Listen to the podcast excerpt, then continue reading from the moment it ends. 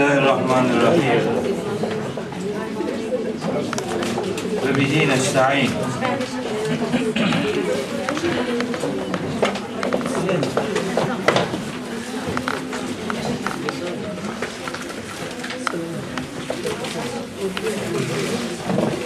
Bugünkü derste Taha suresinin 6. ayetinden itibaren bir grup ayet okumaya çalışacağız. İnşallah. Taha suresi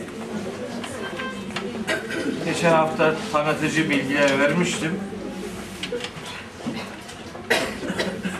Özel olarak Hazreti Musa'nın kıssasıyla alakalı 90 ayetlik bir pasaj içerisinde yer alan başka farklı konulara da temas edilen muhteşem bir sure.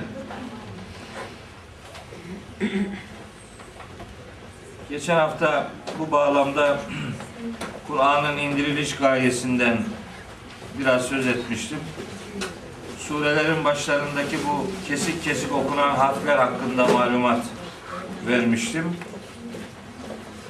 Bir iki tefsir usulü konusuna kenarından bucağından temas etmiştim.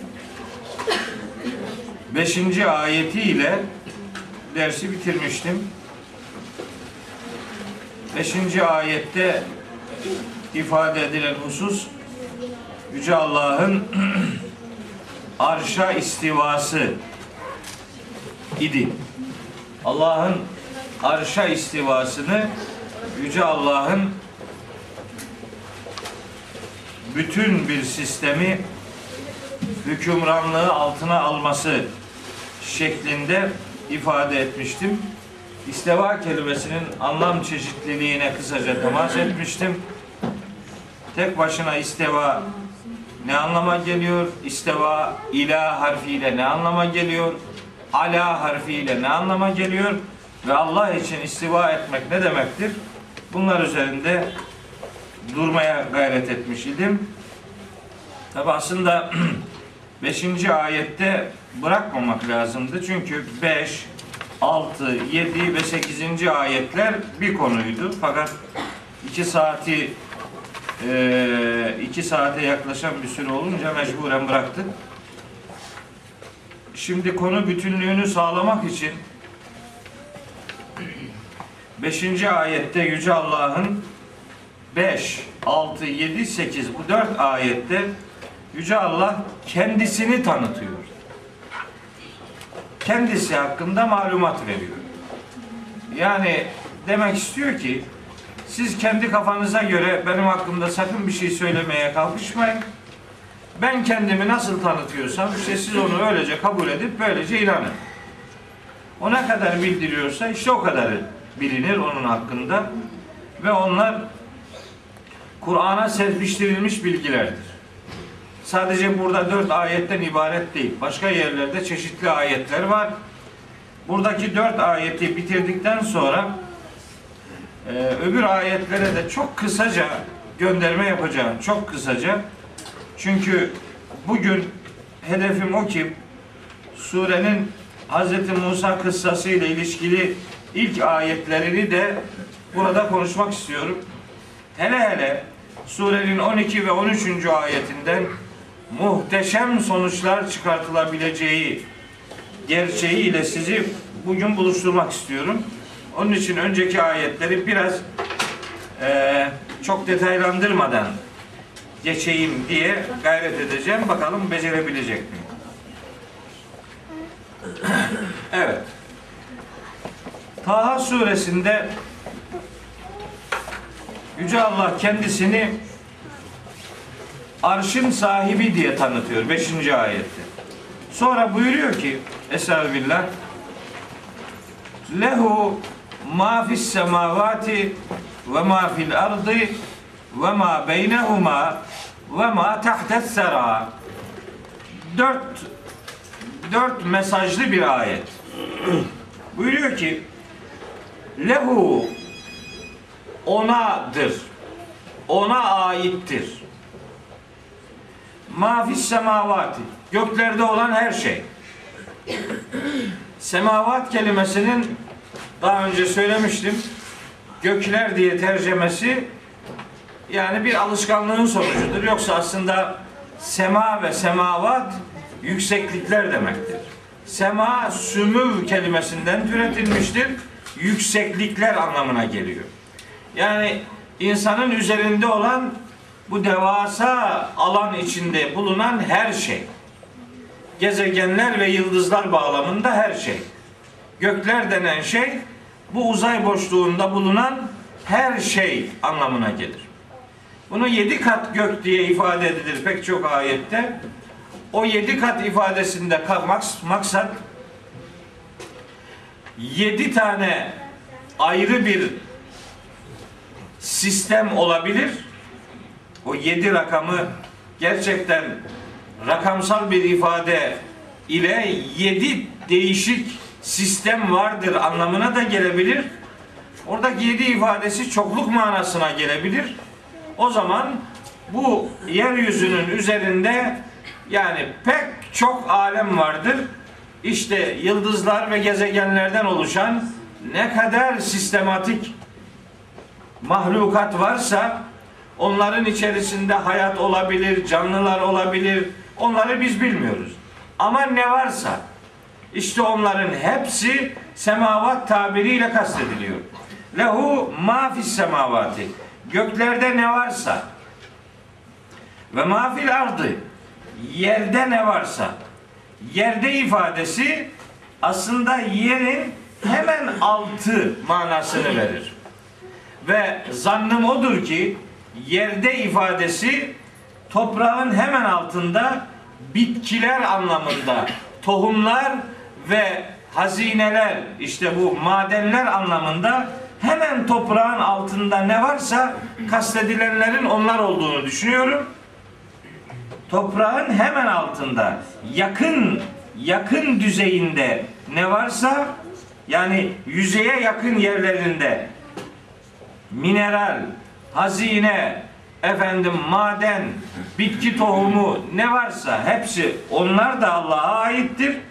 Ve ma beynehuma işte yeryüzüyle o sema arasında her neler varsa işte artık o yerin hemen üstünde olanlarla bulutlara kadar olan işte bu atmosferin tabakaları bağlamında bu arada her ne varsa onlar ve ma tahtes sera tahtes sera demek sera toprak demek nemli toprak demek o hani insanların gündelik kullanımlarında toprakla uğraşan insanların işte çiftçilikle şununla bununla toprakla iletişimlerinin ötesinde daha aşağıda yerin derinliklerinde ne varsa onlar da Allah'a aittir demektir. Biz yerin derinliklerinin birkaç birkaç tabakadan oluştuğunu biliyoruz.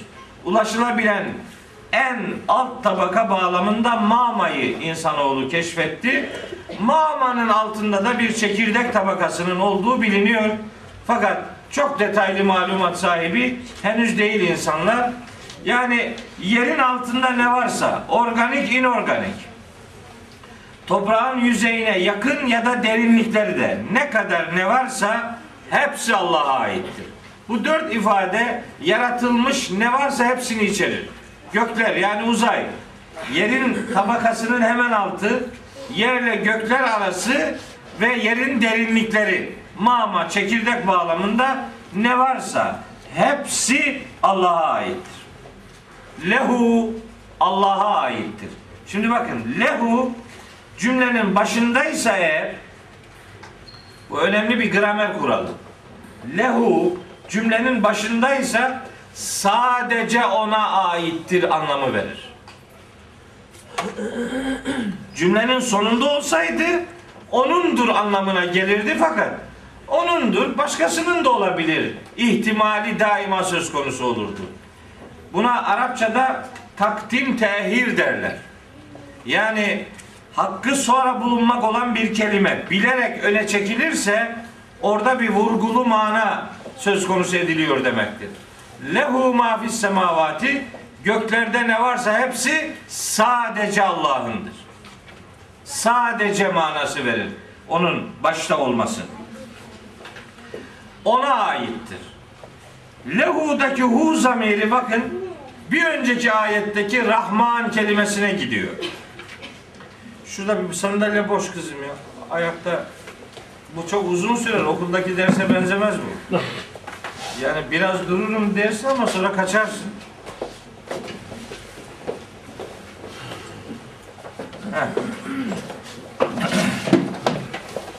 Lehu'daki hu zamiri hani ona aittir. Sadece ona aittirdeki o o kelimesi Rahman'ı nitelendirir. Rahman'a aittir.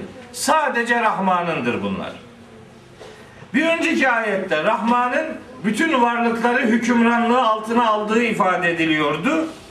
Buradaki hu zamiri de bütün bu varlıklar Rahman'a aittir. Sadece onundur başkasının değil. Onların varlıkları da Allah'a aittir. Onların hakkında malumat sahibi olmak da sadece Allah'a ait bir sıfattır. Başkası onlar hakkında malumat sahibi olamazlar. Tahtes sera denen şeyin gerçekten neyi içerdiğini bilmiyoruz. Gökler ve yer arasında nelerin olduğunu biz bilmiyoruz. Gördüklerimiz var ama gördüklerimiz olanların tamamı filan değildir. O itibarla sadece Allah bilir, sadece Rahman bilir. Madem bu varlıklar ona aittir, bilgisi de sadece ona ait bir sıfattır. Başka varlıklar bu anlamda herhangi bir bilgiçlik taslayamazlar, taslamamalıdırlar. Hani ben hep söylüyorum burada, ayetleri anlarken sebep sonuç ilişkisi kurmak lazım. Sebep sonuç ilişkisi kurmazsanız ayetler birbirinden kopuk olur. Mesajlar doğru yerli yerine oturtulamayabilir.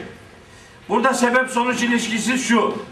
Madem ki göklerde yerde ikisinin arasında ve yerin altında derinliklerinde olanlar madem ki sadece Allah'ındır o zaman onların hükümranlığı da sadece Allah'a aittir. Madem onundur o zaman sahibi de odur, hükümranlığı da ona aittir. Başkasının burada söz sahibi olma yetkisi yoktur. Sebep sahip olmaktır. Sonuç hükümranlığı altında bulundurmaktır. Ve ilginçtir. Bu surenin bu ayetlerine kadar Yüce Allah kendisini Rahman sıfatıyla tanıtıyor. Er-Rahmanu alel arşisteva. Rahman. Rahman nedir? kendisi merhametin kaynağı olan, varlıkları merhametiyle kucaklayan zat demektir Rahman. Rahman bu varlıkların sahibidir demek. Merhamet sahibi olan Allah merhametinin tecellisi olarak bütün bunları yarattı demektir. Yani yaratılan şeyler merhametin sonucudur. Allah merhamet ettiği için bunca varlığı yaratmıştır. Mahlukat merhametin sonucudur. Bunun ayetten başka bir yerde karşılığı vardır. Hud suresi 119. ayet Hud 119 İlla men rahime rabbuk Rabbinin merhamet ettikleri hariç diye devam öncesinde ayetler var. Rabbinin merhameti söz konusu. Ve lidalike işte bundan dolayı yani Rabbinin merhametinden dolayı halakahum Allah onları yaratmıştır. Yaratılışın gayesi Allah'ın merhametinin tecellisidir. Onun için o ayette Er-Rahmanu kelimesi kullanıldı da başka bir sıfat kullanılmadı. Orada Allah kelimesi kullanılabilirdi. Rab kelimesi kullanılabilirdi. Halik kelimesi kullanılabilirdi. Daha ne kadar sıfat varsa hepsi kullanılabilirdi. Ama onlar kullanılmadı. Niçin? Çünkü Rahman olmak rahmetinin tecelliye dönüşmesini sağlamak demektir. Rahmetin tecelliye dönüşmesi için kainatın merhametin tecellisi olarak var edilmesi gerekiyordu. İşte onun için Allah ayette Rahman sıfatına yer vermiştir. Başka sıfatlara yer vermemiştir. Gene bu derslerde sıklıkla söylediğim bir şeyi bir daha hatırlatayım. Şimdi Kur'an bir meseleyi anlatırken bazı anlatım metotları uygular. Din eğitiminde kullanılan eğitim metotları var. Bunları Kur'an asırlar öncesinde kullanmış. Mesela bunlardan biri somuttan soyuta gitmek. Görünenden görünmeyene gitmek. Bilinenden bilinmeyene gitmek. Yakından uzağa gitmek. Uzaktan yakına gelmek. Böyle anlatım metotları vardır. Bir de parçayı anarak bütünü kastetmek veya bütünü anarak pasta pa, e, pasta diyorum. Parçayı kastetmek. Pasta da hiç sevmem. Nereden geldiyse aklıma. Ee, zikri cüz iradeyi kül veya iradeyi cüz zikri kül. Bunun Arapça karşılığı bu. Yani parçayı anarak bütünü kastetmek veya par- bütünü anarak parçayı kastetmek. Bakın burada dört kelime kullanıldı. Gökler, yer, ikisinin arası ve derin yerin derinlikleri. Ama bu arada olan şeylerin neler olduğunu isim isim söylemedi. İşte bu parçayı anarak bütünü kastetme kuralının işletilmesi demektir. Yani göklerde yerde mahlukat anlamında ne varsa tamamı Allah'a aittir. Tamamı onun bilgisi dahilindedir. Tamamı onun merhametinin tecellisidir demektir. Rahman sıfatının burada kullanılmış olması son derece manidardır. O mana ilişkisini de görmek durumundayız değerli kardeşlerim. Ayeti tercüme ederken ısrarla onun bilgisi dahilindedir diyorum. Ne varsa hepsi Allah'ın bilgisi dahilindedir. O bilgi ifadesini özellikle söylüyorum çünkü 7. ayet bilgiyle alakalı bir mesaj içeriyor. Buyuruyor ki Yüce Allah 7. ayette ve in techer bil kavli Şimdi sen bir sözü açıktan söylesen de cehren demek açıktan, sesli, bağırarak. Bunu böyle de söylesen, sözü açıktan da söylesen, gizli de söylesen fark etmez. Fe innehu Allah yani Rahman ya'lemu sirre ve ahfa. Allah gizliyi de bilir, ahfayı da bilir. Ahfa demek en gizli demek. Belki bir insanın düşünebildiği şeyler var. Bir de ne neyi derler? Ee, Allahümme salli ala Muhammedin ve ala Muhammed. Yani bir düşündüğü şeyleri de Allah insanın düşündüklerini de bilir. Bilinç altındakileri de bilir. Yani çok muhakeme edip üretmediğin ama senin zihni altyapına yerleşmiş olan senin onu ortaya çıkartmayı düşünmediğin belki ona gücünün dahi yetmeyeceği ve fakat potansiyel olarak zihninde yüreğinde bulunan o en gizli şeyleri de Allah bilir. Şimdi Allahu Teala'nın bu anlamdaki bilgi bilgi sahibi oluşuyla alakalı size muhteşem 5-6 tane ayet okuyacağım. Bazı filozoflar derler ki işte Allah külli şeyleri bilir, cüz'i şeyleri bilmez. Yani Allah genel kuralları bilir, parça parça şeyleri bilmesine gerek yoktur filan. Böyle derler. Desinler. Neticede her denenen doğru olacak diye bir kural yok. Varsın söylesinler. Ama sahibi yani Yüce Allah bilgiyle alakalı bakın ne söylüyor. Kendi bilgisiyle alakalı. Biz de bir şeyler biliriz. Doğrudur. Bizim de bilmeye konu pek çok malzememiz vardır ama biz bilebilmemiz için önce canlı olmamız lazım. İki, aklımızın başında olması lazım. Üç, onu öğrenmiş olmamız lazım. Dört, o şeyin bizatihi var olması lazım. Bunlar olmadan biz bilemeyiz. Ama Allahu Teala'nın bir şeyi bilmesi için böyle şeylere ihtiyaç yok. Biz de bir şey biliriz ama bizim bildiğimiz bilinebilirlerin içerisinde ummanda damla kadar bile değildir. Onun için çok bilgiçlik taslamaya bu hayat müsait değildir. Bu bağlamda Yüce Allah bilgisini şöyle tanıtıyor. Bakın. Rahat suresi 8 ve 9. ayet. 8, 9, 10. Rahat suresi. Estağfirullah. Allahu ya'lemu. Allah bilir. Neyi? Ma tahmilu kullu unsa. Her dişinin neyi taşıdığını Allah bilir. yani doğum yapabilecek her canlının karnında neyi taşıdığını Allah bilir. Bunu siz bilmezsiniz demektir. Çünkü siz varlıklar içerisinde daha ne kadar dişi olduğunu bilmiyorsunuz ki. Siz bir defa türleri bilmiyorsunuz ki. Dişisini, erkeğini ya da onun karnındakini nereden bileceksiniz?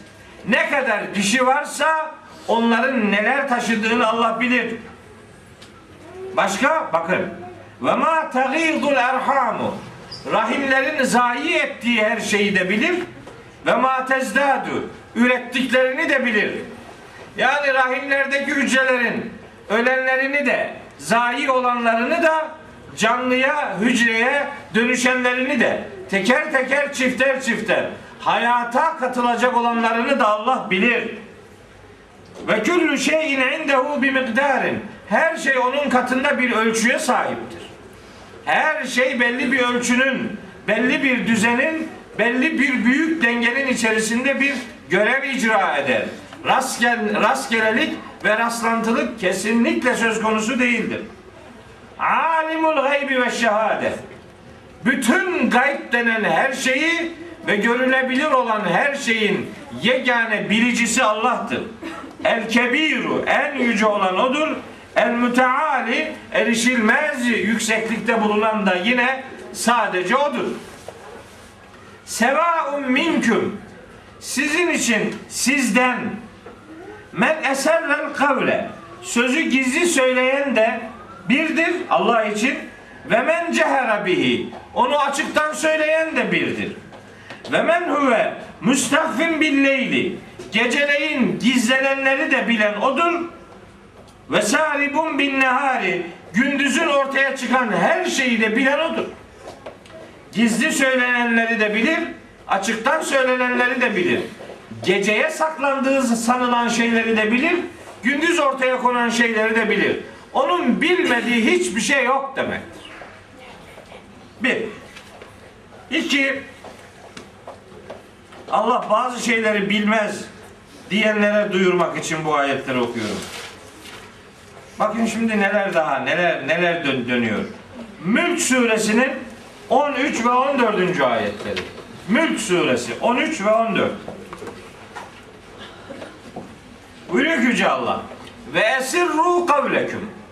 Siz sözünüzü ister gizleyin, evicheru bi. İsterse açıktan söyleyin. İnnehu alimun bizatis suduri. Allah yüreklerin içinde, gönüllerin içinde bulunan ne varsa hepsini bilir. Ela dikkat edin. 14. ayet. Ela dikkat edin. Ela ya'lemu men halak. Şimdi bu ayetin kaç tane manası var bir bilseniz. Bir, bir, bak iki kelime. Ya'lemu halak. Ama başına gelen edatlar işin rengini öyle değiştiriyor ki. Ela dikkat edin. Bu, bu anlama gelir. Ela bir edattır. Tembih edatı. Dikkat edin. Ya'lemu bilir. Kim? Allah. Kimi bilir? Men halaka. Yarattığını. Allah yarattığını bilir. Sözü ister açık söyleyin, ister, ister gizlide bırakın. Fark, fark etmez. İyi aklınızda bulundurun ki Allah yarattığı bütün insanların ne tür bilgilere sahip olduğunu bilir. Açıktan söylesin, gizlide bırakın. Fark etmez. Bir anlam bu. Bakın şimdi. Bir. iki. Ela. Dikkat edin. Ya'lemu bilir. Kim? Men halaka. Yaratan. Bu da doğrudur. Ela. Dikkat edin. Ya'lemu bilir. Kim? Men halaka. Yaratan bilir. Men halaka ya'lemunun mef'ulü de olabilir, faili de olabilir. İkisi doğrudur. Bu ifadeyi şöyle de şöyle de anlamak mümkün. Bakın. Ela'ya tembih edatı manası verince iki anlam söz konusudur. Ama ela'ya tembih edatı ver, manası vermeyebiliriz. E ayrı bir soru edatıdır. La ya'lemu ayrı bir kalıp olarak kabul edilebilir. E la ya'lemu men halak yaratan hiç bilmez mi? Yaratan hiç bilmez mi? Ya da Allah yarattığını hiç bilmez mi?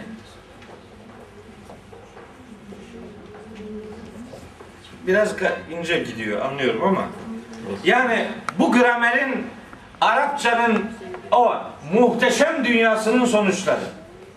Bu ayetin dört tane tercümesi var. Dördü de doğru. Yani bir meal birini tercih eder, öbürü öbürünü tercih ederse hatalı değil.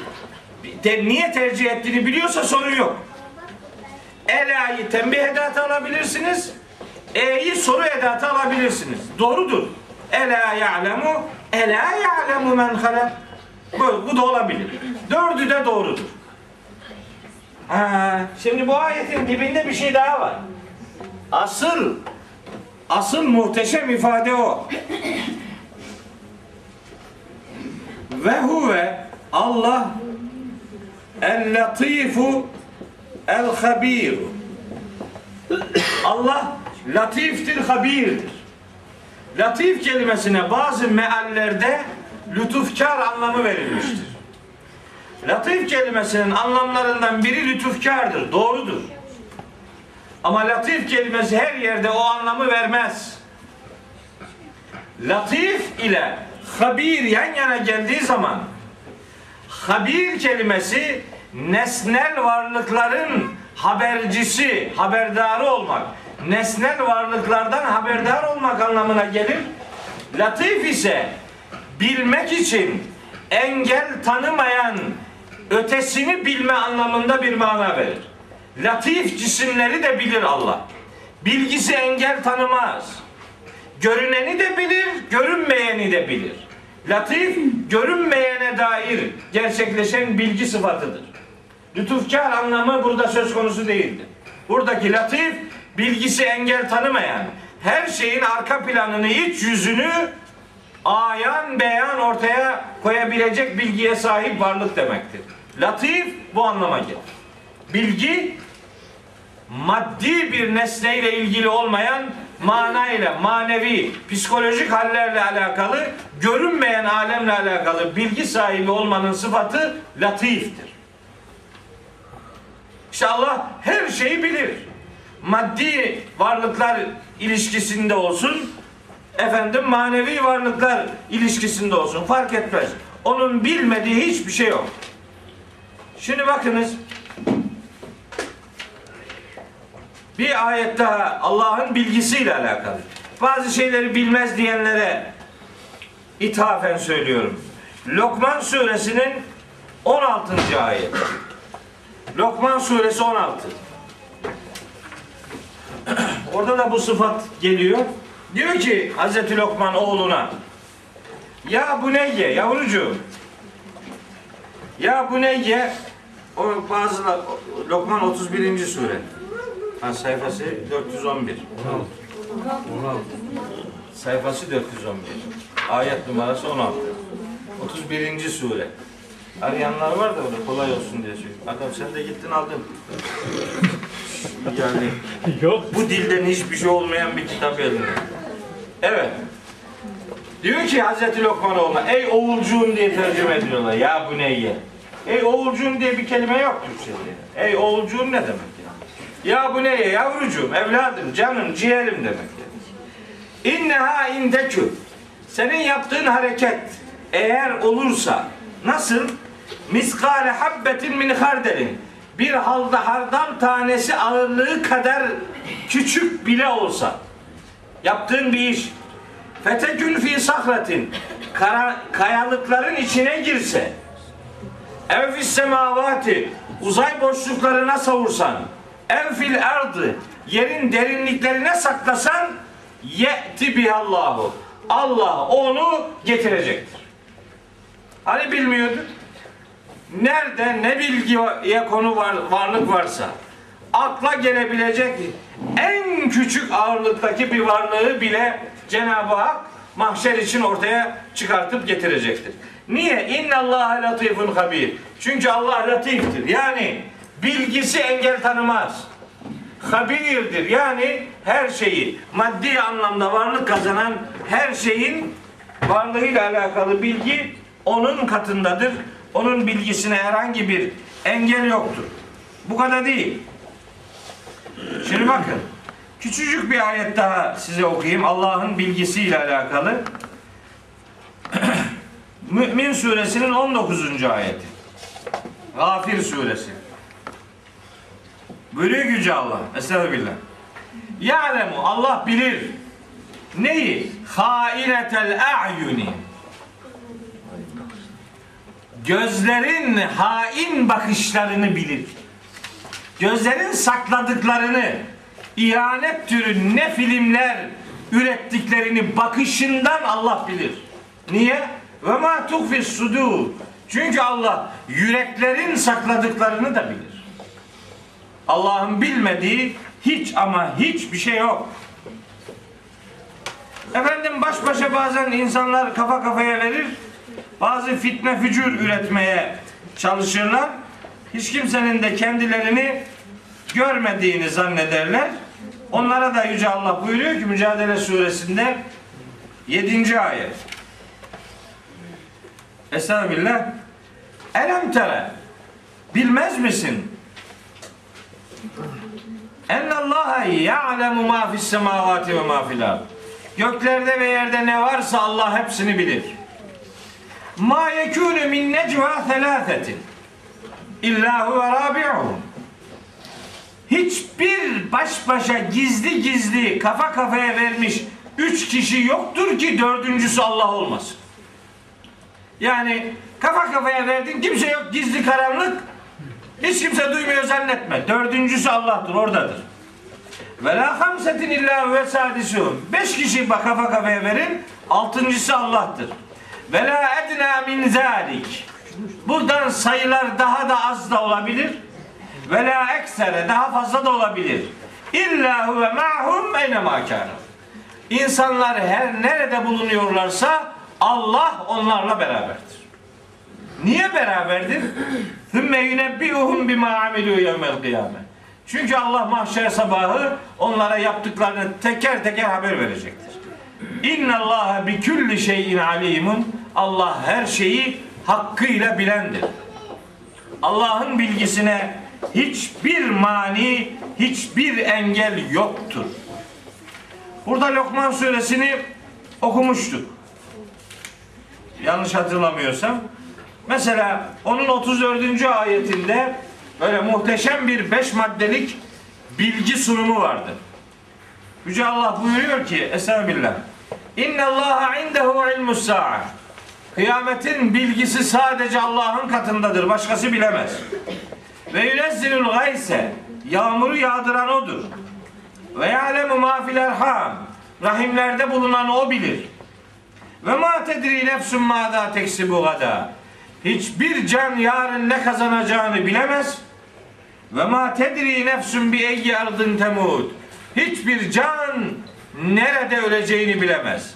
İnna Allaha alimun habirun. Her şeyi bilen, her şeyden haberdar olan yegane varlık yüce Allah'tır. Hani o ayette bilinemezler kaç tanedir filan diye onları burada uzun uzadıya anlatmıştım. Orada bilinemezler beş tane değildir, üç tanedir demiştim. Artık kaç sene geçti aradan bilmiyorum, unutmuş olabilirsiniz. Muayyebatı hamse diyorlar işte beş muayyep falan ve muayyep beş tane değil hangi beş tane? Yani bir beş tane bilmiyorsun gerisi her şeyi biliyorsun öyle mi? Öyle bir şey yok yani. Şimdi son bir ayette okuyayım size. Cenab-ı Hakk'ın bilgisiyle alakalı. Allah bazı şeyleri bilmez zannedenlere. En'am suresi 59. ayet. Buyuruyor ki Yüce Allah. Estağfirullah. Ve indehu mefatihul gaybi. Gaybın anahtarları sadece Allah'ın katındadır.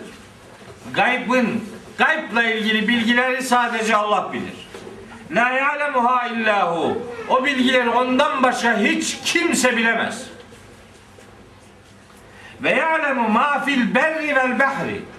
Karada ve denizde ne varsa bütün varlıkları Allah bilir. Karada ve denizde ne varsa hepsini Allah bilir. Öyle ki ma teskutu min varakatin illa ya'lemuha. Hiçbir yaprak onun bilgisi olmadan yerinden düşmez. Hiçbir yaprak Allah'ın bilgisi olmadan yerinden düşmez. Ve la habbetin fi zulumatil ardı. Ne yerin karanlıkları içindeki bir tane. Ve la ratbin ve la yabisin. Ne bir yaşlık ne bir kuruluk yoktur ki illa fi kitabin mübin. Onların hepsi apaçık bir bilgi hanesine kayıtlı olmaz. Hepsi Allah'ın bilgi hanesinde kayıtlıdır. Dolayısıyla hiç kimse hiçbir şekilde Cenab-ı Hakk'ı herhangi bir şeyi bilemez diye tanımlamamalıdır, tanımlayamaz. Kur'an bu konuda oldukça net mesajlara sahiptir. İnsan davranışlarına sözü getiriyor. Siz sözü ister açık söyleyin ister gizli fark etmez. Hepsini bilir. Gizlisini de bilir, en gizlisini de bilir. Aa, biz de şimdi bazen dua ederken böyle bağırıp çağırıyoruz. Öyle sanki Allah duymuyor. Öyle bağırıyoruz ki şurada Araf suresinde 55. ayette buyuruyor ki Yüce Allah. Ud'u rabbeküm tadarruan ve hufye. Siz Rabbinize boynu bükük ve kısık sesle dua edin. Hufye gizli demek. Allah gizli gizli bana dua edin diyor. Biz bağıra çağıra dua ediyoruz. Araf suresi 205. ayette buyuruyor ki Vezkur rabbeke fi nefsike tedarruan ve hifeten Rabbini yüreğinde derin bir saygı ve gizli bir ürpertiyle zikret ki zikret ve dünel cehri minel kavli sözü bağıra çağıra söyleme diyor. Bağırma diyor. Normal, mutedil bir ifade üslubuyla zikrini yap, tesbihini yap diyor. İsra suresi 110. ayette de benzer bir şey söylüyor. Ve la tecer bi salatike. Duanı böyle bağıra çağıra yapma diyor. Ve la tuhafit biha. Tamamen gizli de yapma. Vebtegi beyne zâlike sebîlâ. İkisinin arasında orta bir metot ile duanı, davetini, çağrını Allah'a yönelt, yönlendir diyor. Çünkü Allahu Teala her şeyi biliyor. Yüreğinde sakladıklarını da, diline döktüklerini de hepsini Yüce Allah hakkıyla biliyor. Ona gizli saklı hiçbir şey yok. Üçüncü ayet Cenab-ı Hakk'ın kendisini tanıttığı üçüncü ayet bu. Dördüncü ayet bu surede yani Taha suresinde kendisini tanıttığı dördüncü ayet şu cümlelerde iki cümleden oluşuyor. Allahu la ilahe illahu Allah kendisinden başka ilah olmayan tek varlıktır. Allah kendisinden başka ilah olmayan bir varlıktır. Peygamberimizin La ilahe illallah'la ilgili çok güzel bir hadis-i şerifi var. Buyuruyor ki Peygamberimiz Efdalü zikri La ilahe illallah ve efdalü duai Elhamdülillah Zikrin en faziletlisi La ilahe illallah Duanın en hayırlısı bir hadiste istiğfar diyor, bir hadiste elhamdülillah diyor. Elhamdülillah. Bu hadis aynı zamanda Muhammed suresindeki bir ayeti de tam karşılıyor. Ennehu la ilahe illallahu ve estağfir li dembik. Bil ki Allah kendisinden başka ilah olmayan yegane varlıktır ve günahın için Allah'tan özür dile. Yani istiğfar duanın en hayırlı olanıdır. Zikir içerisinde en makbul olanı da La ilahe illallah demektir. Yüce Allah kendisini Allahu la ilahe illahu şeklinde Kur'an'da pek çok ayette tanıtıyor. Şimdi ayetin ikinci cümlesi. Lehul esmaul husna. Lehu Allah'a aittir sadece. Ne? El esmaul husna. En güzel isimler sadece Allah'a aittir. Başkasının böyle güzel ismi olmaz. Olamaz. En güzel isimler Allah'a ait olanlardır. Kur'an-ı Kerim'de bu Esma-i Husna dediğimiz bu tamlama dört defa geçiyor. Dört ayette geçiyor. Yüce Allah'ın Esma-i Husna'sının bulunduğunu ifade ediyor. Bunlardan biri Araf suresinde. Şey, Araf suresi 180. ayet. Ve lillahil esmaul husna fed'uhu biha. En güzel isimler sadece Allah'ındır. O isimlerle Allah'a dua edin diyor. Araf suresi 180. ayette. İsra suresinin 110. ayetinde de geçiyor. Orada buyuruyor ki Kul id'ullaha ev id'ur rahmane. İster Allah diye dua edin, ister Rahman diye dua edin. Eyyemma ted'u.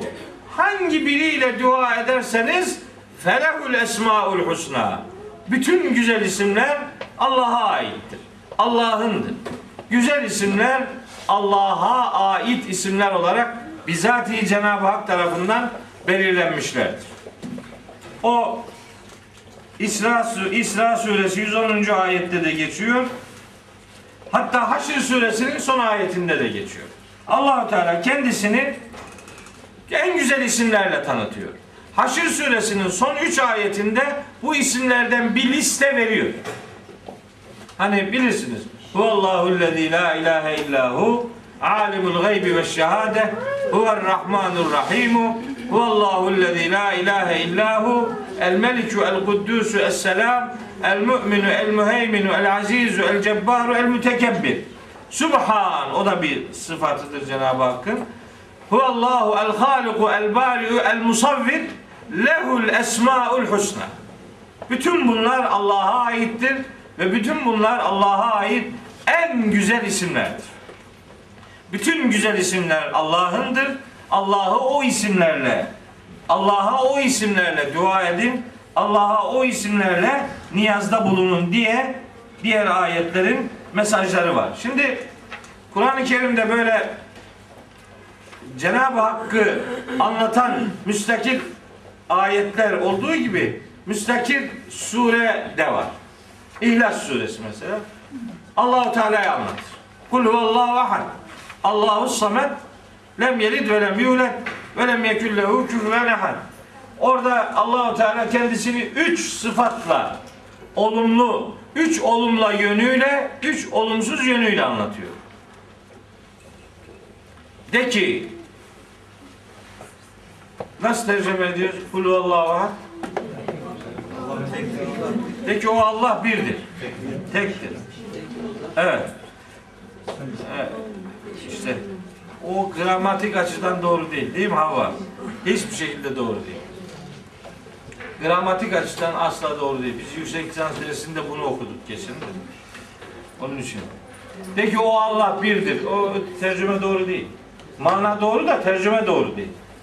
De ki o de ki o Allah'tır, birdir ve samettir. Üç tane olumlu yönüyle Cenab-ı Hak kendini tanıtıyor. De ki o Allah'tır, birdir, samettir. Yani yaratıklara muhtaç değildir. Üç olumlu yön bu. Lem yelit, doğurmamıştır. Ve lem yulet, başkası tarafından doğrulmamıştır. Ve lem yeküllehu küfüven ahad, dengi benzeri hiçbir varlıkta yoktur. Üç olumlu yön, üç olumsuz yönle Cenab-ı Hak İhlas suresinde kendisini tanıtıyor. İslamoğlu da İhlas suresi ile ilgili diyor ki İhlas suresi Allahu Teala'nın kart vizitidir. Yani böyle bir ifade kullanıyor. Enteresan. Hoşuma gitti. Tabi Allah'ın kart viziti mi olmuş? Yani olmaz da. Yani güncel hayatta Aa, kart vizitim yani dersin. Ben buyum işte. Allah'ı Allah kendini öyle tanıtıyor yani. Üç olumlu yön, üç olumsuz yön. İhlas suresinin tercümesi nasılmış? De ki o Allah'tır, birdir, samettir. Doğurmamıştır, doğmamıştır, dengi de yoktur. Üç olumlu, üç olumsuz ifadeyle Cenab-ı Hak kendisini tanıtıyor. Tabi başka ayetler de var. Dolu. Öyle birkaç tane filan değil. Ayetel Kürsi. Olduğu gibi Cenab-ı Hak anlatır. O devasa ayet. Allahu la ilahe illahu el hayyul kayyum. Tabi o ayete girersek kaldık orada. Hiç oraya girmiyorum. Öyle teğet geçiyorum. Şimdi özetliyorum. Cenab-ı Hakk'ın bu surede kendisini tanıttığı dört ayette üzerine dikkat çektiği sıfatlarını size maddeler halinde söylüyor ve bu bölümü geçiyor. Diyor ki bir, Er-Rahmanu alel arşisteva. Rahman bütün varlıkları, mahlukatı hükümranlığı altına almıştır. Allah bütün varlıkların hükümranıdır. Kendini öyle tanıtıyor. Bir. İki. Lehu ma fis semavati ve ma fil ardı ve ma beynehuma ve ma tahtes. Varlıklar aleminde ne varsa hepsi onundur ve hepsiyle ilgili bilgi sahibi olan yegane varlık da odur. İkinci sıfat bu. Öyle tanıtıyor kendisini. Üç. Ve in tecer bil kavli fe innehu ya'lemu sirre ve ahfa. Sözün gizlisi aşikarı Allah için fark etmez. Gizliyi de bilir, en gizliyi de bilir. Onun bilmediği hiçbir şey yoktur. Bütün mahlukat onun bilgisi içerisinde avucunun içindeki bir nesne gibidir. Bilmediği hiçbir şey yok. Ve Allahu la ilahe illahu. Yegane ilah odur. Başka ilah yok. Lehul esmaul husna. En güzel isimler sadece ona aittir. Bu beş özelliğiyle Yüce Allah bizi bu dört ayette bilgilendiriyor. Kendi varlığıyla alakalı. Niçin bu detayı veriyor biliyor musunuz? Taha suresinin ilk ayetinde dedi ki bu kitabı ben indirdim. Bu kitabı biz indirdik. Bu kitabı biz indirdik demek Cenab-ı Hak kendi kudretinin nelere malik olduğunu ortaya koyup hem peygamberimizi hem Müslümanları motive ediyor hem karşı taraftaki insanlara gözdağı veriyor. Bu kitabın kaynağı işte bu özelliklere sahip olan Yüce Allah'tır. Yani herhangi biri tarafından gelmiyor bu kitap. Bu kitap kainatın sahibi ve merhametiyle kainatı kuşatan o muhteşem güç tarafından bu kitap indiriliyor. Ona göre duruşunuzu, tutumunuzu ona göre belirleyin. Motivasyonunuz ona göre daha sıcak, daha anlamlı, daha duyarlı bir hal alsın denmek isteniyor. Evet. Bu ilk bölüm ayetler bunlar. Şimdi güya buraya kadarkini geçen ders anlatacaktım. 8 ayet bitti. Fakat şimdi başlıyor başka bir taraf. 90 ayetlik bir pasaj başlıyor şimdi. Hz. Musa'nın hayatıyla alakalı en ince detaylı bilgiler burada. Şimdi buradan bir takım sonuçlar çıkartacağız. Efendim biliyorsunuz daha önce defalarca söyledim. Kur'an-ı Kerim'de kıssalar var. Kıssa nedir? Kıssa geçmiş bir milletin, insanın, peygamberin, medeniyetin hayat kesitlerinden ibret veya ders içerikli sunumlardır. Kıssa buna derler. Yani laf olsun diye bir şey anlatılmaz. Hayatın herhangi bir tarafı anlatılmaz. Nerede ders alınacak bir nokta varsa orası anlatılır. O halde Kur'an'da anlatılan bütün kıssalar ders verici nitelikte bölümlerdir. Laf olsun diye anlatılmıyor. Hani bunu da ben ben laf olsun diye söylemiyorum. Çünkü Hud suresinin 120. ayeti bunu söylüyor. Ve küllen nekussu aleyke. İşte böylece biz sana kıssa ediyoruz. Hepsini. Min enba'ir rusul. Peygamberlerin haberlerinden bir bölümünü. Peygamberlerin haberlerinden bir bölümünü kıssa ediyoruz. Hangi bölümünü? Ma nuthabbitu bihi fuadeke. Senin yüreğini dayanıklı hale getirecek kısmını. Herhangi bir kısmını değil. İşte Hz. Meryem'i anlatırken Meryem suresinde Hz. Meryem'in hayatının her anını anlatmadı. Neresi lazımsa orayı anlat. Kur'an'ın böyle bir metodu vardır. Kıssa zaten o demektir. Bir hayatın ders içerikli kesitlerinin hatırlatılması. İbret alınsın diye ders içerikli kesitlerinin aktarılmasına kıssa denilir. Ve kıssaların her birinde sağduyu sahibi insanlar için bir ibret vardır diyor Yusuf suresinin 111. ayetinde.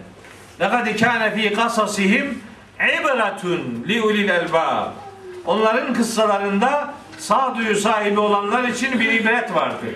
Ders vardır.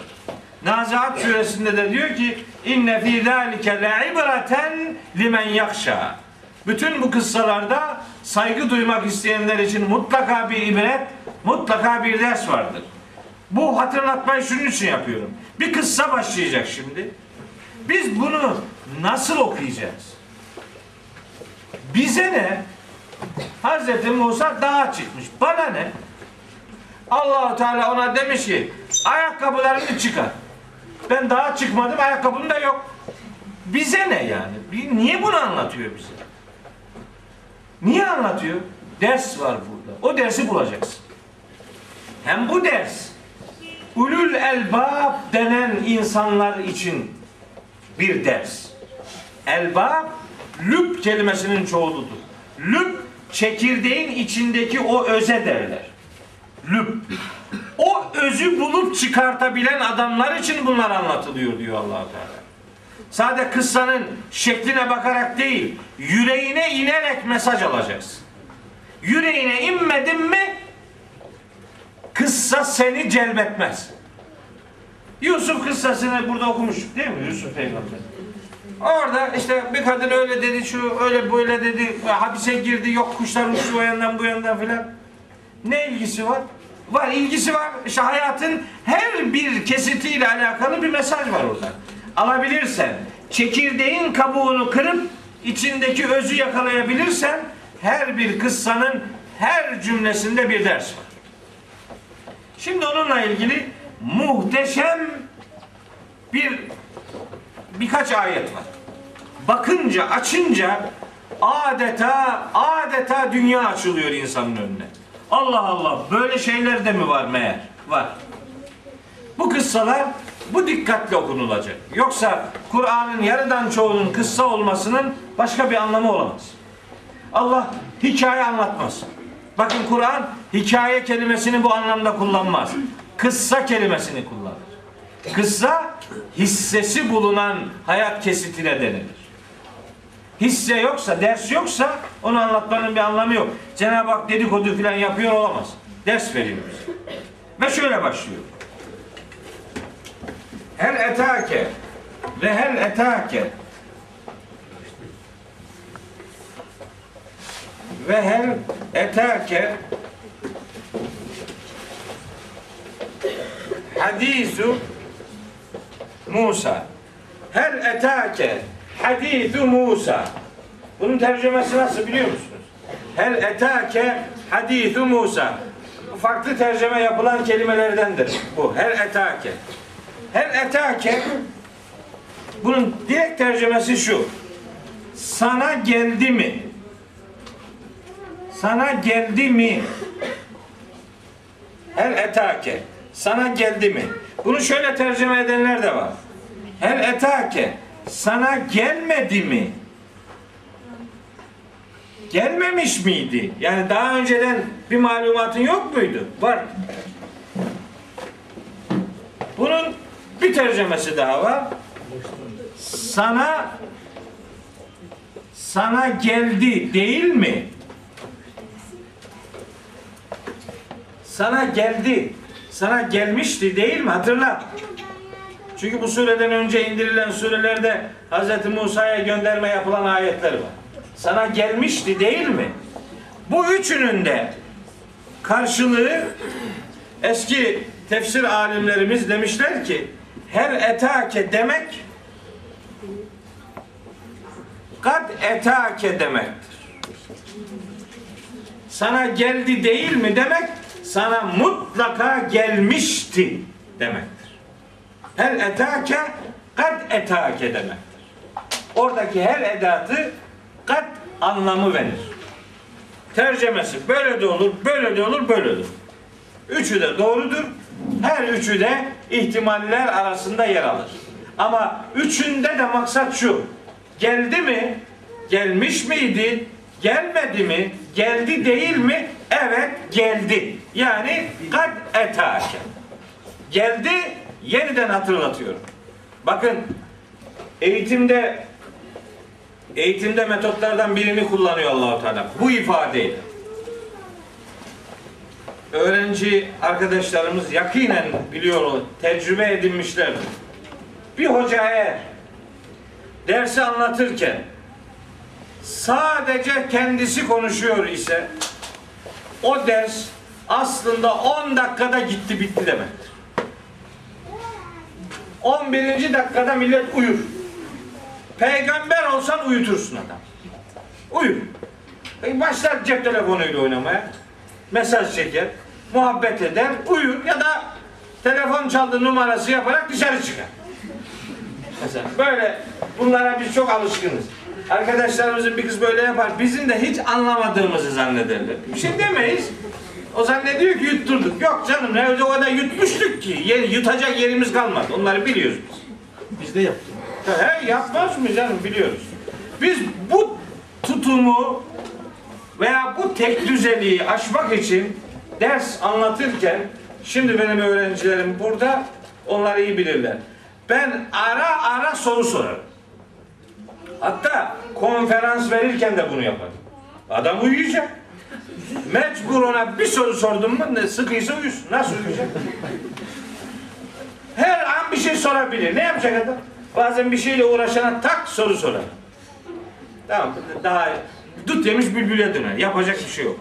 So- arada soru sorarak bir şeyi öğretmek önemli bir tekniktir. Bu kıssalarda bu teknik uygulanmış. Bak. Her etake gelmişti sana değil mi? Eğer tek düze duruyorsa bir uyanacaktır. Gelmişti değil mi? Soru sorarak bir eğitim metodu uyguluyor Allah-u Teala kıssalarda soruyla muhatabı canlı tutmak, dikkatini konuşmacının üzerine çekmek önemli bir tekniktir. Her etakedeki ifade bu tekniğin tecrübe edilmiş halidir. Gelmişti değil mi? Haberin olsun. Unutmayasın. Bu bilgiler sana ulaştırılmıştı. O ulaştırılmış bilgilerle ilgili yeni bilgiler geliyor. Hazır ol demektir. Evet, gelmişti değil mi? Ne gelmişti? Hadisü Musa. Musa'nın hadisi. Hadis nedir? Hadis söz anlamı var, olay anlamı var, hadise anlamı var, kıssa anlamı var. Hadisin kelam anlamı var, Kur'an anlamı var, peygamberin sözü anlamı da var. Bunların hepsi kelimenin anlamlarından. Bir, bir kelimenin bir tane anlamı olmaz. Bir sürü anlamı olur. Bu hadis mesela böyle bir ifadelerden biridir. Kur'an için kullanılan kelimelerden biri de hadistir mesela. Peygamberimizin sözü literatürde hadis derler. Ama işte başka sözlere de hadis denir. Burada olduğu gibi hadis Musa, Musa'nın hadisi, Musa'nın sözü demek değil. Musa'nın olayı, Musa'nın hadisesi, Musa'nın kıssası. Bak hadis kelimesi burada söz anlamına değil, kıssa anlamına geliyor. Gelmişti değil mi? Evet. Şimdi anlatıyor bak. Ne olmuş? İz hani İz hani ra'a naran bir nar görmüştü. Şimdi nar kelimesi genelde ateş anlamına geliyor. Fakat nar kelimesi her yerde ateş anlamına gelmez. Genel anlamı bu olsa da her yerdeki anlamı bu değildir. Buradaki anlamı da göreceksiniz normal ateş diye ifade edilmemesi gereken bir anlamdır. Aslında buradaki mana ışık. Bir ışık hüzmesi gördü. İzra nara. Bir ışık, bir ateş gördü uzaktan. Bu ne zaman biliyor musunuz? Medyen'den çıkıyor. Mısır'a doğru yol alırken yolda işte o Tur'un işte o Sina'nın oralarda görüyor. Fekale li ehlihi ailesine diyor ki onun ailesi kimdi? Şuayb peygamberin kızlarından biri. Onu anlatmıştım size. Ya ya acayip şeyler var Kur'an-ı Kerim'de. Böyle bir kız bu uşağa vuruluyor. Resmen onu diyor. Yani. Olur. Yani evlilik teklifleri hep erkekten gitmez. Akıllı olanı kızdan gelenidir. Daha, daha makul olanı budur. Doğrusu budur. Kız gördün mü iyi bir uşak ya talip olacaksın. Yani bunda ayıp bir şey yok. Bu, niye evde mi kaldık diyor ya. Peygamberin kızlar evde mi kalmış? Kendisi teklif etti. Allah Allah. Hazreti Şuayb'ın kızı dedi ki baba bunu eve tut. Yani bu en iyi en iyi tutacağın adamların en hayırlısı budur. Hazreti Şuayb de diyor ki yani yanımızda biraz kalırsan bu kızlardan birini sana vereceğim. O da zaten sığınak arıyordu. Allah'tan arıyordu. Oraya gitti. O kızla evlendi. Evle, o ayette evlendiğini anlatmıyor ama buradan anlaşılıyor. Ailesiyle beraber yola çıktı. Demek ki evlendi. Ha şimdi bu ailesinin hanımı neydi? Söylemiyor. Çocukları var mıydı? Onu da söylemiyor. Niye? Lüzumlu değil burada. Bu, buna gerek yok. Oradan çıkartılacak bir ders yok diyor. Ama Nuh'u anlatırken oğlunu anlatıyor. Niye? Sapan bir çocuk var. Onun üzerinde duruyor. Burada öyle bir şey yok. Onun için o detayı vermiyor. Ailesine dedi ki Ümküsü burada bekleyin siz. İnni anestü. Özlediğim bir ışık gördüm. Anese yani ünsiyetle beklenen bir ışık demek. Anese yani yüreğinde arzu duyulan bir şeyi görmek anlamına gelir. Salt gözle görmek değil, arzu edilen bir şeyi görmek. İnni anestü naren. Bir ışık gördüm. Lealli atikü minha bi kabesin. Belki ondan bir tutam getiririm. Yani ateş gibi zannediyor. Ev ya da ecidu alen nari huda. Ya da o ateşin etrafında orada bize yol gösterici birileri bulurum. Demek ki yolculukta bir sıkıntı var. Nasıl gideceğiz, ne yapacağız, ne ihtiyaç var? Size bir kor getirebilirim ya da herhangi bir ışık etrafında bulunanlardan bir rehber, bir yol gösterici, bir danışman anlamında bir bilgi kaynağına ulaşabiliriz. Diyor ve ailesinden ayrılıyor. Bu ifadeler Kasas suresinde de var, Nemil suresinde de var. İşte onlara girmiyorum sözü uzatmamak için. Felemma etaha çıkıyor o dağ, o ateşi gördüğü yere. Tam oraya çıkınca Nu diye sesleniliyor kendisine. Nu diye sesleniliyor. Ya Musa, ey Musa deniliyor. Hazreti Musa'ya deniliyor ki ey Musa. Şimdi eğitim başlıyor. Cenab-ı Hak Hazreti Musa'ya sesleniyor. Diyor ki gene işte pek çok surede var bu. Nemil'de, Kasas'ta, efendim Naziat'ta var. O, o detaylara girmiyorum. Ey Musa, inni, inni ene rabbuke. Benim ben Rabbin. Benim ben Rabbin. Fahla na'leyke. Ayakkabılarını çıkar. İnneke muhakkak ki sen bil vadil mukaddesi mukaddes bir vadidesin. Tuva yani Tuva vadisinde. Bu Tuva kelimesi hem vadinin adı olarak tercüme edilebilir hem de Tuva iki defa kutsanmış anlamına gelir. Bir Hazreti İbrahim ile alakalı orada bir vahiy iletişimi vardı. Bir de Hazreti Musa'da dolayısıyla iki defa kutsanmış vadidesin. Ya da kutsal Tuva vadisindesin. Şimdi bir şeylerin değişsin. Ayakkabılarını çıkar. Benim ben Rabbin konuşuyor. O halde durumun duruşun değişsin. Şimdi bak bu ifade aleyke inneke bil vadil mukaddesi tuva. Biz şimdi bu kelimeler üzerinden sonuç çıkartacağız. Bunlar benim çıkarttığım sonuçlar. Bakalım size ne diyecek bunlar. Eğer sizin için de doğrudur, çıkarılabilir derseniz sonra sizin olsunlar. Yok bunları beğenmedim ben daha güzel sonuçlar çıkartacağım derseniz Allah yolunuzu açık etsin. Ona da var. Bir. Diyorum ki ben. Hazreti Musa bir yere gitti değil mi? Bir ışık gördü. Demek ki bir bir şey öğrenmek için bir yere gitmek lazım. Böyle yan gelip yatarak bir şey öğrenilmez. Bir yolculuk yapmak lazım. Kısa uzun. Öyle böyle. Ama mutlaka bir eğitim için bir şeyi öğrenebilmek için mutlaka bir yere gitmek lazım. Biz bu bir yerlere gitme örneklerini biliyoruz. Hazreti Peygamber Hira'ya çıkmıştı. Hazreti Musa da Tuğra gitti Sina'ya çıktı. Başka peygamberler başka taraflara gittiler. Yani eğitim için bir yolculuk lazım. Bir.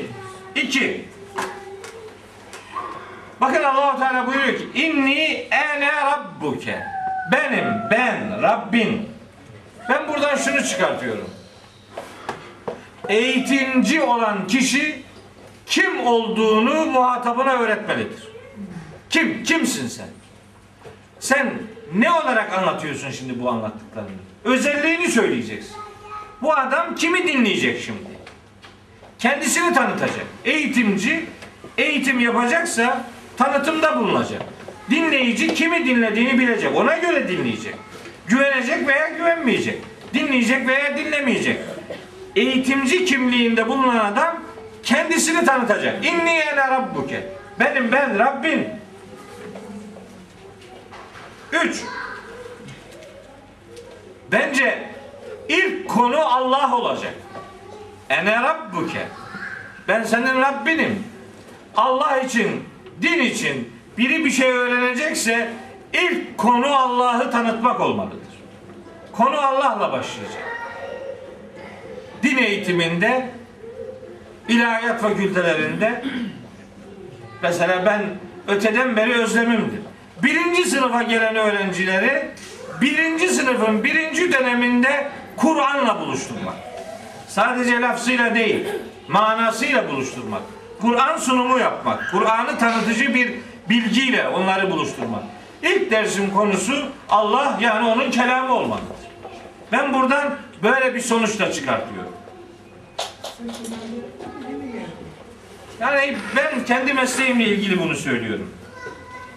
Bakın çok ilginç bir kelime daha var. Ene rabbuke. Rabbin. Senin Rabbin. Bak Rab kelimesini kullanıyor. Mesela inni enallahu. Başka yerlerde Allah diyor. Burada Rab diyor. Ne demek bu? Niye Rab kelimesini kullanıyor? Çünkü Rab sıfatı eğitimde sahiplenmeyi ifade eder. Ben seni yetiştireceğim demektir. Ben seni terbiye edeceğim. Ben sana bilgi aktaracağım. seni eski halinden dönüştüreceğim. Bilgi anlamında sana katkılarda bulunacağım. Rab olmak, sahiplenmek. Yani biri birinin yanına gidince olan bunun yanına gittik ama bu şimdi kim bilir ne yapar. Böyle bir kuşku ortaya çıkmayacak. Kendini tanıtacak eğitimci muhatap da ondan istifade edecek. Çünkü onu artık mürebbi olarak kabul edecek. Mürebbi ne demek? Yetiştiren demek. Kontrol altında alan, alan sahiplenen demektir mürebbi. Mürebbi kelimesi mesela terbiye eden. Terbiye ile Rab kelimesi hep aynı kökten gelir zannedilir, aynı kökten gelmez. Terbiye kelimesinin kökü rabadır. Rab kelimesinin kökü rebebedir. İkisi aynı kökten gelmez. Rabebe, Rab terbiyeyi de içerir ama ikisinin kökü aynı değil. Terbiye kelimesinin kökü R-B-Y'dir. R-B-Y Rab kelimesinin kökü R-B-B'dir. Aynı kökten değillerdir. Rab terbiye edici anlamına sadece o anlama gelmez. Anlamlardan biri de odur ama tek anlamı o değildir. Evet. Bakın Sonra geliyoruz. Fekra'ne aleyke. Ayaklarını çıkar. Ayaklarını çıkar. Bu ne demek? Kutsal yerlere girince ayak çıkartacaksın. Bu kadar. Bu başka hiçbir yerde geçmiyor. Sadece burada var bu. Buradan sonuç çıkartacağız. Ne demek istiyor bu? Şimdi bu ayet benden ne istiyor? Yani biz de Cenab-ı Hak tarafından bilgilendirilmeye gittik ve bize dedik ayaklarını çıkar. Ne demek bu? Ne anlayacağım ben bunda?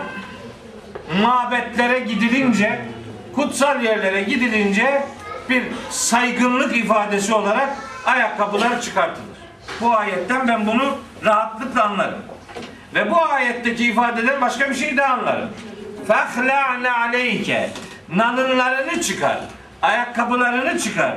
Yani nefsinden, benliğinden, egolarından, ön yargılarından, sana ait lüzumsuzluklardan kurtul demek.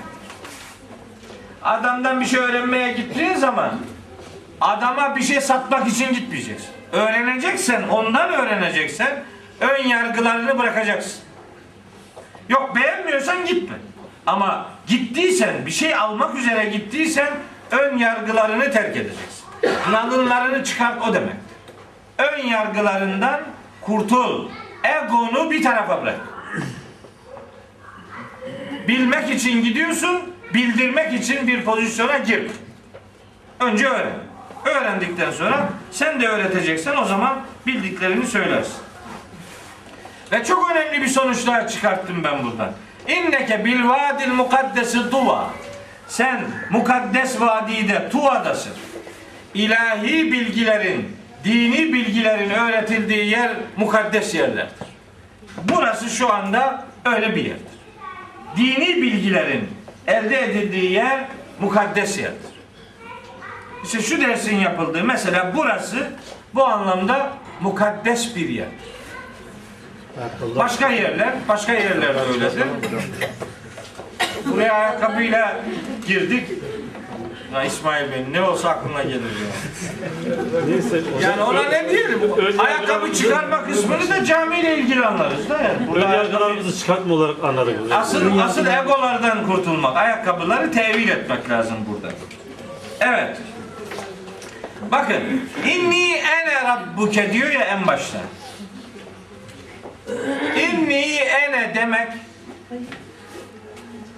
benim, ben, mutlaka benim demek bilgi verme konumunda olan insanın bilgisine güvenen insan olması demektir tekitli, vurgulu, ben, ben bunu yapacağım demek.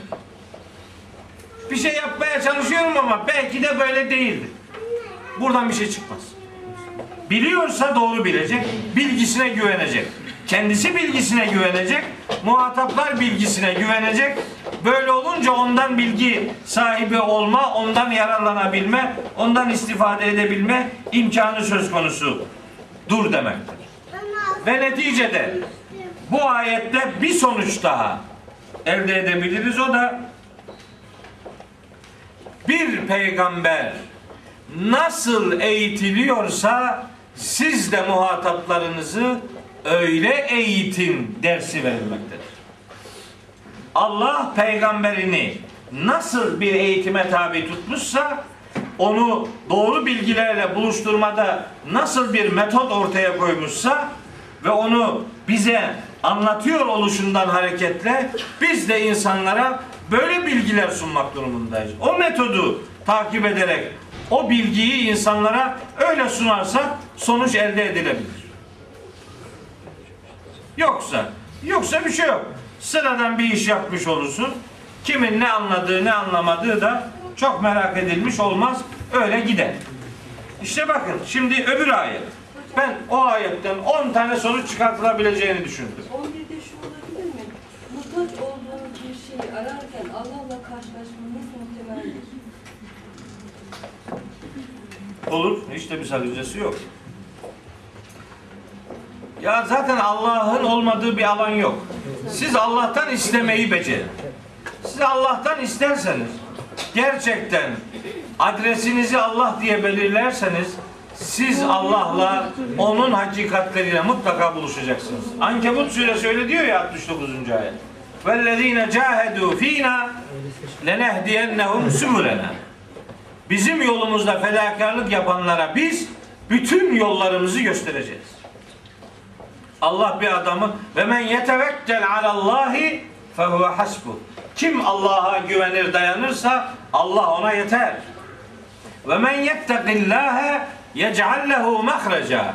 Kim Allah'a karşı duyarlı davranabilirse Allah ona mutlaka bir çıkış yolu yaratır. Onun için Cenab-ı Hak bak bu ayette Rab sıfatını kullanıyor. Rab sıfatı demek Allah'ın kulunu sahiplenmesi demektir. Allah'ı sahip olarak arayanlar Allah'ı Rab olarak bulacaklardır. Evet. Üstad bu yani Tura e, o daha Musa Aleyhisselam giderken sanki benim anladığım ayette yani e, bir herhangi bir ateş ya da ışık görmekten ziyade Cebrail'le buluşmaya e, gidiyor gibi. Orada ondan, bir şey. Cebrail'le buluşmaya giderken Rabbin sesini duyuyor. Yani bir ışık görüyor işte orada. Tabi o ışık yani ille de normal bir ateş olmak zorunda Evet. değil. Başta onu onun için söyledim. E, Normal bir yani yanan bir yanan olsaydı Ona orada, orada bir işaret, bir, ha, işaret bir alev olurdu, duman olurdu, bir şey olurdu yani. Demek öyle bir şey değil. Burada manevi bir çağrı belki söz konusudur. Oraya bir yöneliş söz konusu. İçeride de var hocam zaten. İşte görünce içine doğmuştur zaten. Tabi adam gördüğü her yere doğru da gitmez yani. Anes tünaren dedi ya. Anese yüreğinden arzu ettiği bir şey görmek. Ünsiyet sağladığı bir şeyle buluşmak. Yani insanlar her ateşi gördüğünde hoşuna gitmez yani. Hocam buraya giderken peygamber olduğunu biliyor muydun? Peygamberlik gelmiş miydi Musa Aleyhisselam'a giderken? Gelecek. Yoksa İşte bu. ilk Bu buluşma o. O zaman Cebrail'le bir alakası mı Cebrail? Olur yani Cebrail yani bu bu ayetlerde Cebrail yani peygamber elçi kelimesi geçmiyor. Geçmiyor. Sadece burada değil. Nemil'de de geçmiyor. Kasas'ta da geçmiyor. Naziat'ta da geçmiyor. Ama Allahu Teala'nın şimdi yani mesele oraya gelince nasıl konuştu, bu ses neydi filan onlar bilmeyiz. Ben oradan hiçbir şey anlamamış. Ben ne bileyim nasıl olur yani. Ben olanın nasıl olduğuna bakmam. Ne olduğuna bakarım. Allah kuluna seslendi. İşte o seslenmede birkaç metot var. Biri vahyederek seslenir. Bir elçi göndererek e, seslenir. Bir perde arkasında, bir engelin ötesinden seslenir. O ses nedir? Nasıl bir sestir? Onları biz bilmeyiz. Allah'ın istivasının nasıl olduğunu bilmediğimiz gibi sesinin de nasıl olduğunu bilmeyiz. O kısmına işin inanırız. Evet. Bir ayet daha söyleyip bitiriyorum. Ve enakter tüke. Ve enakter tüke.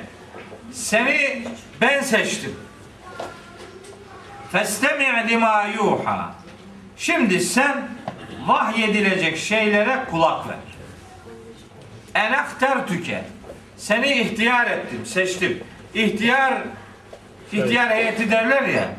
Yani bilgili insanlar demek yani. Muhtar seçilen adam demektir. İhtiyar da yani bilgisine güvenilen insan demektir esasında. Bilgiç. bilgili adam anlamına gelir. Eh, ihtar tüke. Seni ben seçtim. Festemi lima yuha. O zaman vahyedilen şeylere kulak ver. Buradan şu sonuçlar çıkartılabilir. Peygamberlik çalışılarak elde edilen bir kurum değildir. Peygamberleri Allah seçer. Çalışarak bir adam peygamber olmaz. Olamaz. Allahu yastafi minel melaiketi var ya şeyde Hac suresinin son bölümünde Allahu yastafi 75. ayet. Allah meleklerden de insanlardan da elçiler seçer. İşte seçer. Risalet Allah'ın seçimiyle şekillenen bir kurumdur. Mesela Şura suresinin 13. ayetinde de benzer bir ifade var. Allahu yectebi ileyhi men yeşâ. Allah dilediğini kendisine seçer. O peygamber anlamında. Burada da ihtar tüke demek seçmek demek. Demek ki peygamberlik çalışılarak elde edilen bir kurum değildir. Seçilerek, görevlendirme ile elde edilir. Yani kesbi değildir, vehbidir.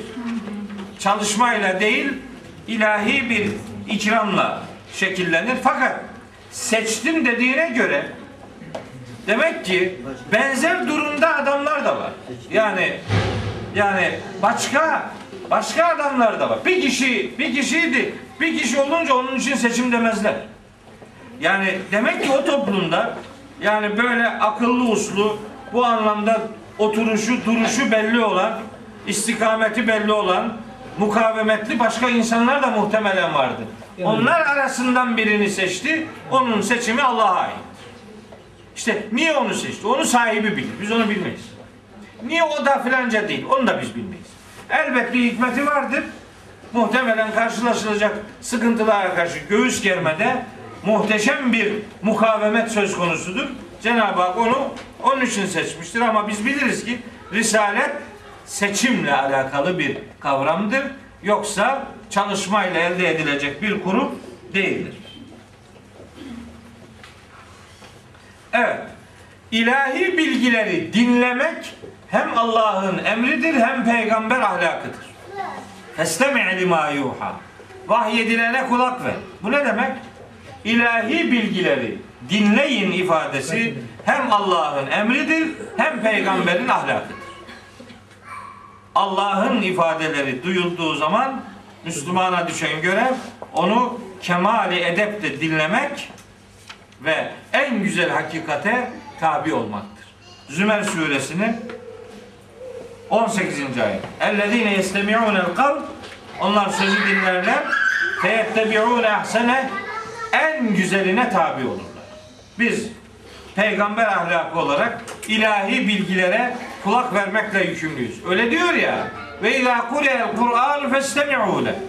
Kur'an okunduğu zaman ona kulak verin ve ensitu sesinizi kesin lealleküm turhamun merhamete uğratılasınız.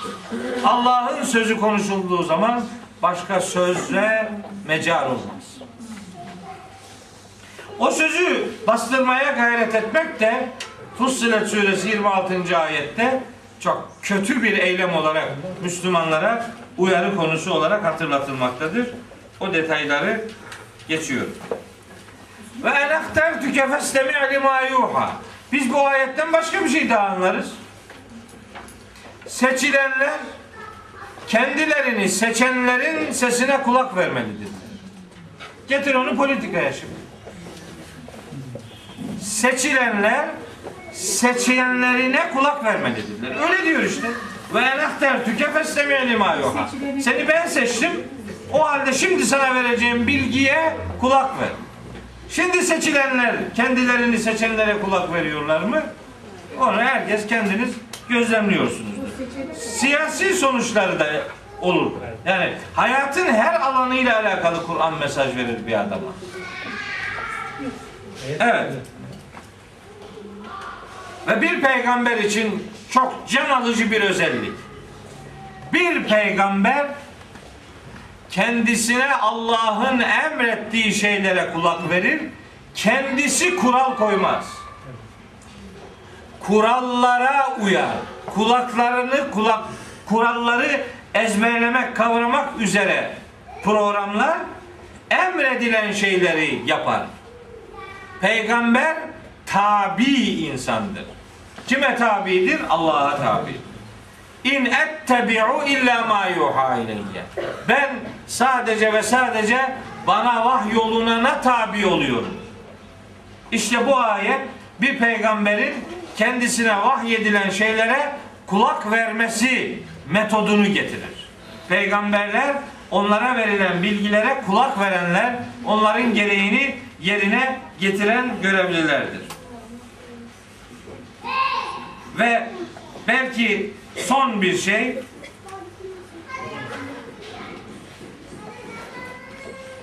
laf olsun diye dinlemek değil öğrenmek için dinlemek esastır. Öğrenecek, bilgiyi kendisine mal edecek ve kendisine mal ettiği o bilgi onun için hayatının vazgeçilmez değeri haline gelecektir. Kulak vermek istima bütünüyle sadece yani organik anlamda kulakla sınırlı değil bu ifade. Yani yüreğini, benliğini vahye teslim edecek demektir. Böyle olunca öğrenir, öğrenim gerçekleşecektir ve öğrenince de hayatı daha bir anlamlı hale gelecektir. Bu iki ayeti Hz. Musa'nın Cenab-ı Hakk'ın ona yönelik bilgilendirmede e, ifade ettiği iki ayetteki mesajları böyle şekillendireyim istedim. 14. ayeti mahsus bıraktım. Çünkü 14. ayetle ilgili çok söyleyecek sözüm olacak. 15. ayetle ilgili keza çok söyleyecek sözüm olacak. O iki ayeti bir sonraki derse bırakayım istedim. İki ayetlik mesajla Hz. Musa kıssasının öğretim kısmıyla sizi buluşturmuş olduk. Haftaya inşallah falan kısımdan devam etmeye gayret edeceğiz. Ve Allah'a emanet olun deyip